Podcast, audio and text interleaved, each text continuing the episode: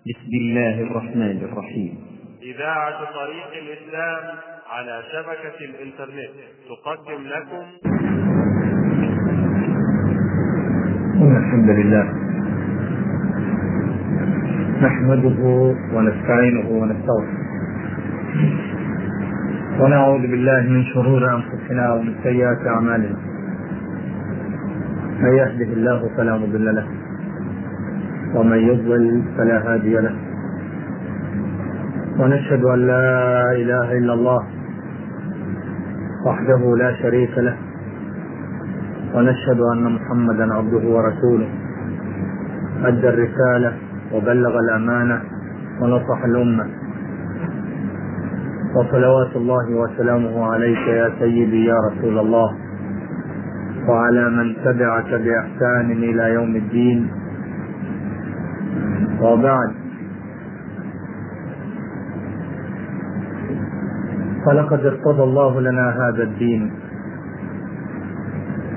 وأرسل لنا سيد المرسلين محمدا صلى الله عليه وسلم.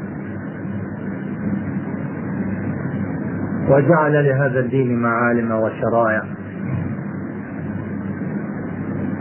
وأقام له حاميا وهو الجهاد في سبيل الله عز وجل. والجهاد هو الحصن الحصين الذي يحمي هذا الدين ويأرد إليه الإسلام كلما ادلهم الظلام. وذلك لنشر دعوة الله في الأرض ولكفال النفاذ والجدية لهذا الدين. حتى لا يبقى هذا الدين كلمات في بطون الكتب حتى يكفل له أن يترجم إلى واقع عملي كفل الله له جدية التنفيذ بأن أقام له حارسا وحاميا. وهو الجهاد في سبيل الله. والرمز الذي يتجمع حوله المسلمون الذين يحركون لحماية هذا الدين ويسيحون في الأرض. لنشر دعوته حاملين الكتاب بأيمانهم والسيوف بشمائلهم. هو الإمام والخليفة ولذا فلقد تكالبت القوى. منذ أن ظهرت القوة الفعلية للإسلام في المدينة. حتى يجتث وجود الإسلام من جذور وبقيت القوى تتكالب على هذا الدين. وبخاصة على شخصية الخليفة. حتى أسقطت الخليفة الأخير. وهو السلطان عبد الحميد رضي الله عنه. رحمه الله نعم. جاء بعد السلطان عبد الحميد خلفاء ثلاثة أو أربعة لكنهم كلهم ضعاف الوجود الفعلي للخلافة انتهى سنة 1909 ونحن نعلم من موقف السلطان عبد الحميد رحمه الله ما جعل القوى العالمية كلها تتكالب عليه. اليهود سنة 1897 أقام هرزل مؤتمرا صهيونيا عالميا أو يهوديا عالميا ولا فرق بين صهيوني ويهودي ويهودي وصهيوني في بال في سويسرا وانبثقت عن هذا المؤتمر بروتوكولات صهيون وبعدها وقف في داخل المؤتمر هرزل يقول أيها الزملاء لا تستغربوا إن قلت لكم إن دول الدولة اليهودية قد قامت.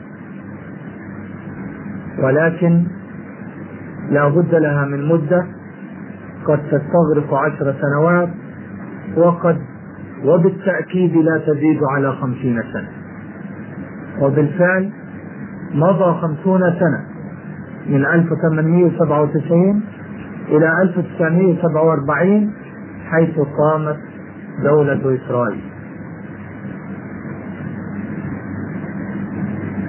هذه المقررات النظرية أرادوا لها أن تتحول إلى واقع. وكان أمامهم عقبات. كان اليهود قد أسقطوا الكاثوليكية في أوروبا منذ أن نجحوا في إقامة الثورة الفرنسية سنة 1789 وبقيت أمامهم الأرثوذكسية الروسية وبقيت أمامهم الدولة العثمانية التي تحكم فلسطين بالإسلام. وخصص اليهود. لإسقاط الدولة العثمانية ولإقامة الثورة البلشفية في روسيا. وعندما سرقت أو استطاعت روسيا سنة 1904 أن تأخذ الوثائق من المقر اليهودي العالمي في ألمانيا بطريقة أرسلت رجال الصاعقة وأحرقت النيران ودخلت بسرعة وأخذت الوثائق وترجمت هذه الوثائق.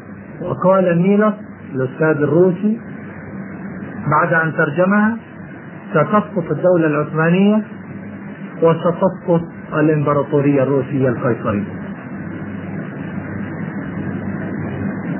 بدأوا بمحاولة إغراء السلطان عبد الحميد. فدخل عليه هرزل سنة 1901 وعرض عليه عروض. ولكن السلطان عبد الحميد ذهل لهذا التجرؤ عليه.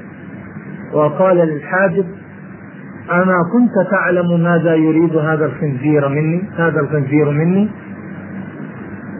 ثم صاح في وجه هرزل اخرج من وجهي يا ساس وكان مع آه ليفي موشي ليفي آه حاخام القسطنطينية وفي سنة 1902 لم ييأس هرزل ودخل مع المحامي اليهودي الماسوني الذي كان يدير المحافل الماسونية في داخل تركيا. والذي كان يدير كذلك الجمعيات القومية في تركيا جمعية تركيا الفتاة وجمعية الاتحاد والترقي دخل مع هرزل وعرضوا على السلطان عبد الحميد عروضا طائفة. عرضوا على جيبه الخاص 150 مليون جنيه ذهب استرليني. ذهب انجيل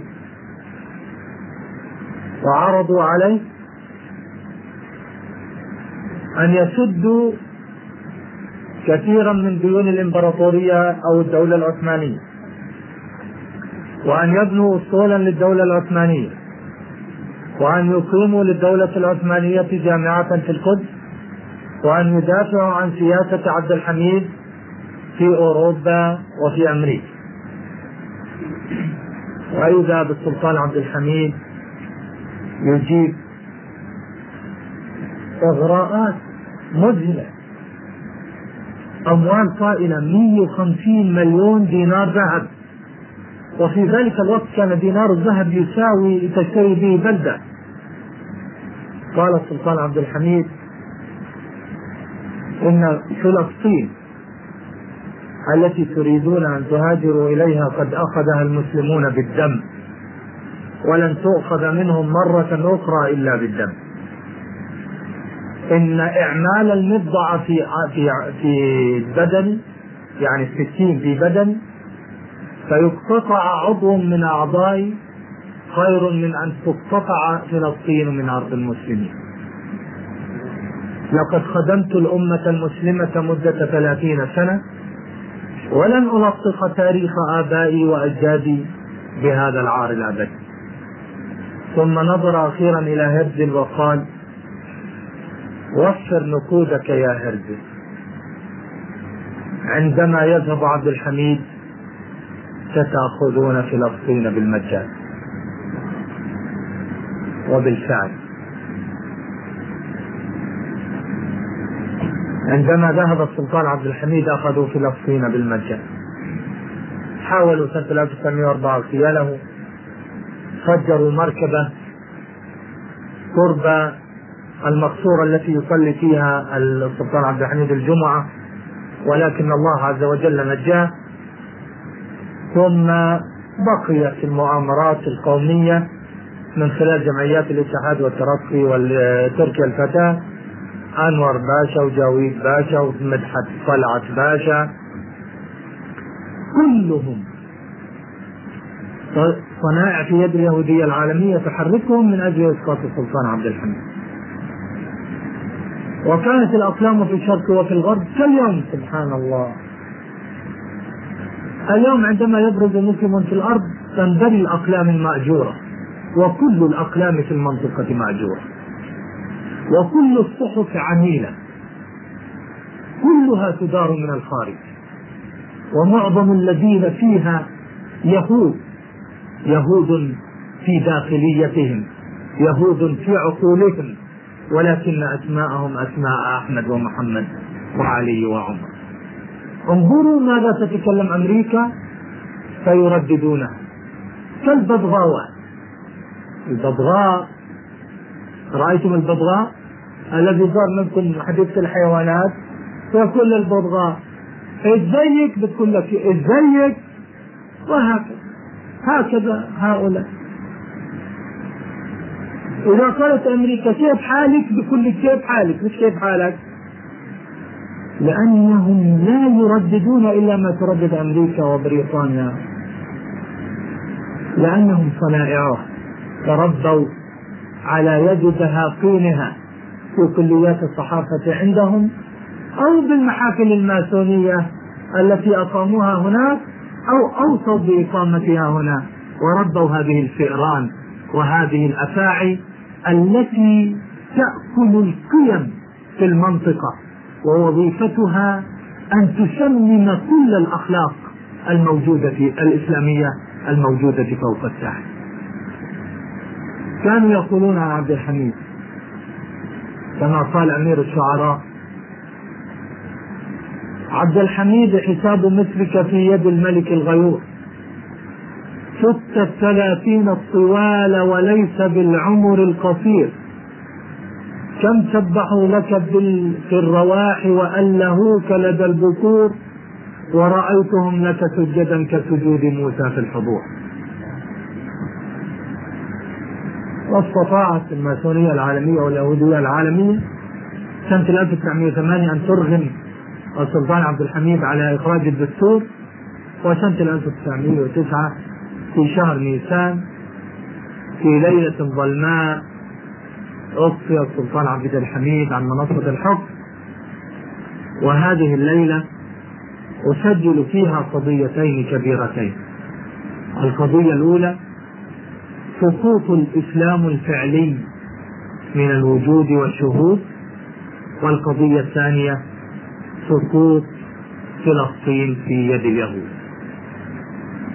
لقد سقطت فلسطين في يد اليهود في نيسان سنة 1909 فعلا الليلة التي سقط فيها السلطان عبد الحميد ذهبت فلسطين وذهب فيها الإسلام. وجاءت بعدها سنوات بعده سنوات عجاف ودخلت تركيا الحرب العالمية. وولوا صناع صنيع من صناع الماسونية قيادة الجيش التركي في البلاد الشامية حيث سلم البلاد الشامية للإنجليز بدون أن يرجع إلى القيادة في تركيا وهو مصطفى كمال أتاتورك. وأعيد إلى تركيا ليكون صنيعة عالمية وبطلا من الأبطال.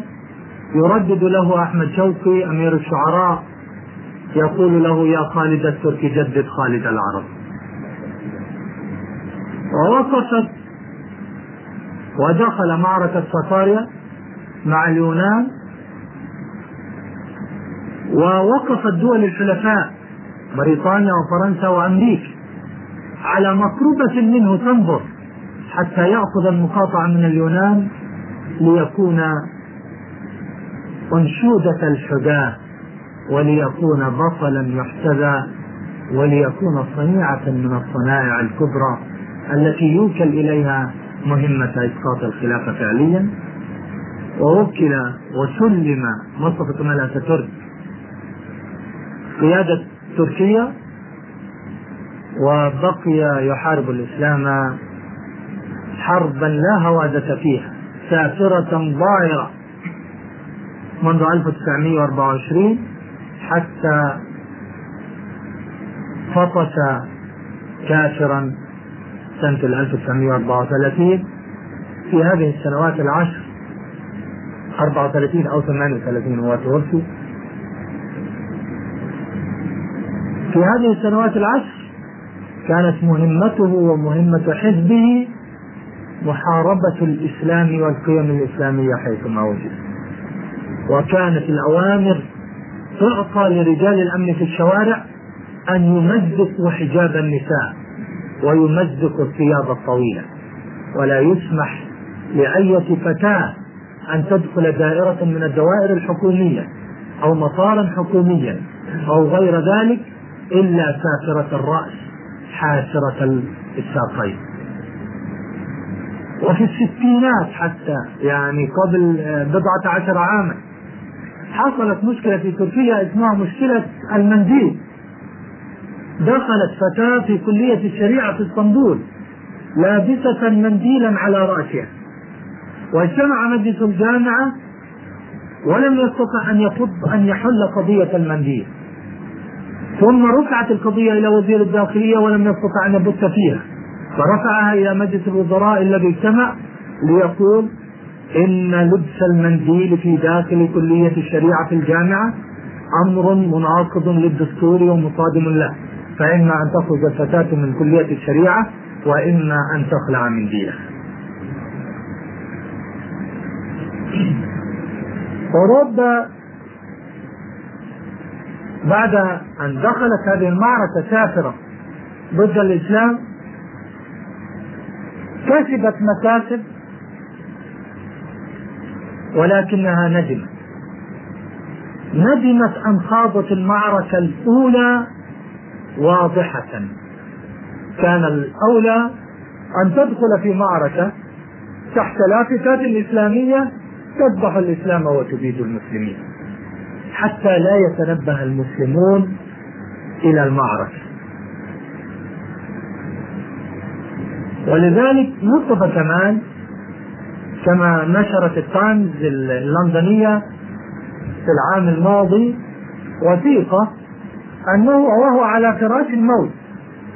نادى مستر لورين السفير البريطاني في تركيا وعرض عليه أن يسلمه رئاسة الجمهورية في تركيا. لأن الدستور ينص على أنه بإمكان رئيس الجمهورية أن يوصي برئاسة الجمهورية لأي واحد.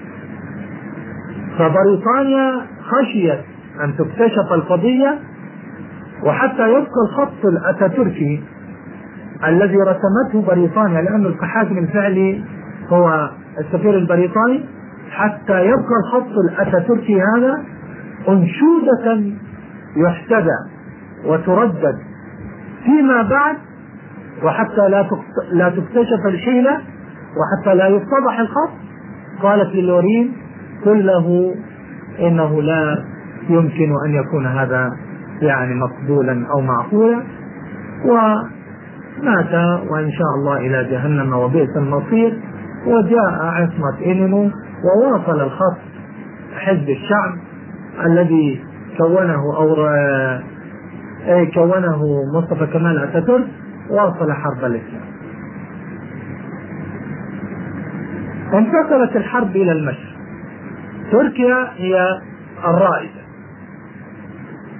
فصاروا يعلموننا في التاريخ أن مصطفى كمال أتاتورك هو بطل تركيا وصانع تركيا الحديث. وكل الانقلابات العسكرية في العالم العربي. جاءت تقول إن مثلنا الأعلى هو مصطفى كمال أتاتورك. جاء هذا الكلام على لسان عبد الناصر. وعلى لسان أنور السادات. وعلى لسان القذافي. وعلى لسان كثير من أرباب الانقلابات العسكرية يقولون إن مثلنا الأعلى هو مصطفى كمال أتاتورك. لكن يجب أن يكون الخط في الشرق تكون المعركة في الشرق ليست واضحة كتركيا. وبعد الحرب العالمية الثانية وقد خرجت أمريكا أغنى دول العالم لأن معظم دول العالم تحطمت اقتصاديا. بدأت تحاول أن تحل محل بريطانيا في المنطقة. وصارت تبحث عن مصطفى كمال أتاتورك جديد للمنطقة. وكانت التجربة الأولى في آذار سنة 1949 اختارت شخصية في سوريا اللي هو انقلاب حسن الزعيم. وأقام ستيفن ميد السفير الأمريكي في سوريا انقلابا لحسن الزعيم وسلمه سوري وكانت هذه أول محاولة في المنطقة في منطقة الشرق.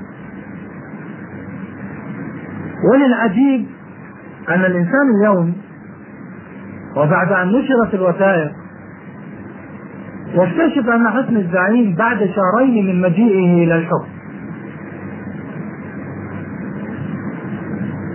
يجمع في شهر خمس سنة 1949 مجلس الوزراء ليقول لهم إن أمريكا وأوروبا تضغط علي للاجتماع بإيرنغول لماذا؟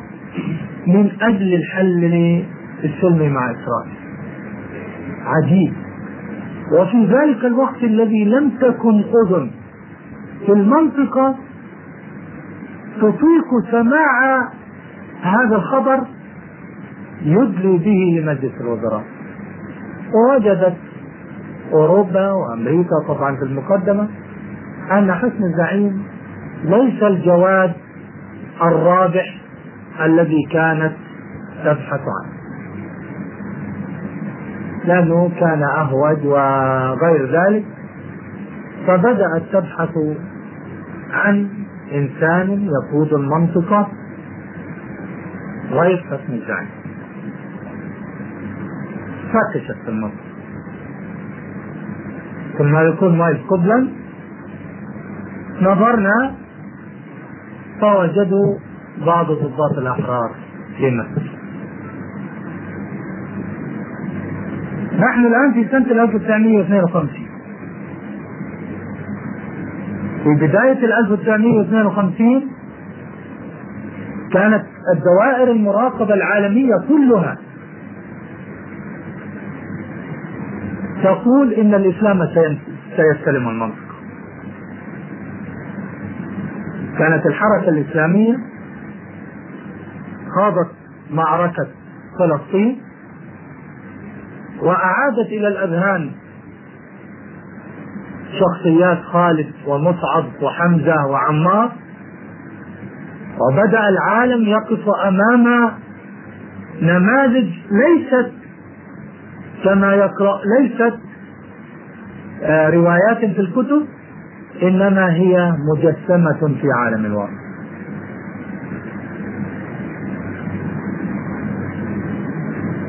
هم يريدون قضيتين في المنطقة. أوروبا اتفقت على قضيتين في المنطقة كلها. القضية الأولى أن لا تقوم للإسلام قائمة لا يجوز أن تقوم خلافة مسلمة حقا في المنطقة. والقضية الثانية ضمان وبقاء سلامة إسرائيل.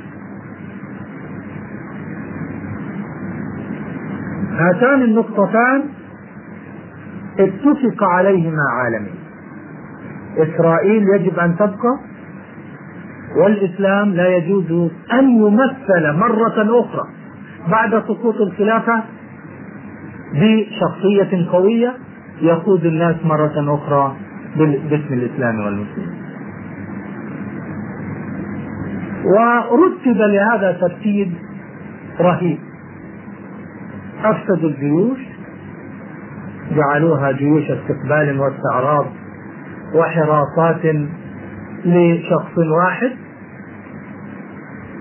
أفسدوا الإعلام ووظيفته أن يفتتح باسم الطاغوت ويختتم باسم الطاغوت وما بينهما تسبيح وتحميد بذكره وعمده. أفسدوا الجيل دلوا بوضع المناهج التي أقصي فيها دين الله نهائيا. حجز الجيل عن خالقه خططوا للجامعات أخرجوا الأجيال التي كما يقول جل حلت نريد. إن المدارس هي أهم وسيلة لإنشاء الجيل الذي سيحل محل الجيش الغربي. الطبقة المتفرجة وبجانبها الإعلام. الوسيلة الثانية والإعلام والمدارس إذا بقيتا سائرتين على هذا الخط كما يقول جد سيخرج الشرط علمانيا لا دين له. كل الأمور حسب حسابه. لكن شيئا كان القدر يخبئه لهم ما كانوا حسبوا حسابه هو بروز حركة إسلامية عطلت عليهم كثيرا من مخططاتهم. إذا لا بد أن يخطط من جديد حتى يفسد على هذه الحركة الإسلامية النامية هدفها ويحال بينها وبين أملها المنتظر وهو إعادة دين الله مرة أخرى إلى الحياة. فجيء بعزم الزعيم تصور نحن الآن في آذار سنة 1949 قبلها بشهر شباط سنة 1949 في شباط سنة 1949 يقتل زعيم الحركة الإسلامية الأستاذ حسن البنا رحمه الله. في 12 شباط سنة 1949 يقتل البنا في أكبر جوارع القاهرة. في 24 شباط بعد ذلك ب 12 يوما توقع معاهدة رودس مع اليهود لأنه لا يمكن أبدا أن توقع المعاهدة والحركة الإسلامية خارج الأسوار ونقل أبناء الحركة الإسلامية من فلسطين ليودعوا في داخل السجون في الدبابات نقل. الذين حموا الجيش المصري وأنقذوا أربع آلاف من الموت المحقق في الفالوجة ومن بينهم عبد الناصر. كانت عقوبتهم أن يلقوا أن ينقلوا من أرض فلسطين إلى داخل معتقلات الطور وبعد أن مرت القضية الفلسطينية وبيع القسم أو وقعت الدول العربية على بيع فلسطين سنة 1949 ومضى سنة أو سنة ونصف أخرجت الحركة الإسلامية من السجن. ودخلت مرة ثانية في صراع مع بريطانيا التي تجثم على أرض مصر. كانت المعركة في فلسطين. كانت بعيدة عن طاروس ولكن المعركة الآن انتقلت في داخل الأرض وهنا الطامة الكبرى ولذلك بدأ التفكير بدأ التفكير لإنهاء وجود الحركة الإسلامية التي ستصفي وجود الظالمين لتقيم الإسلام في الأرض.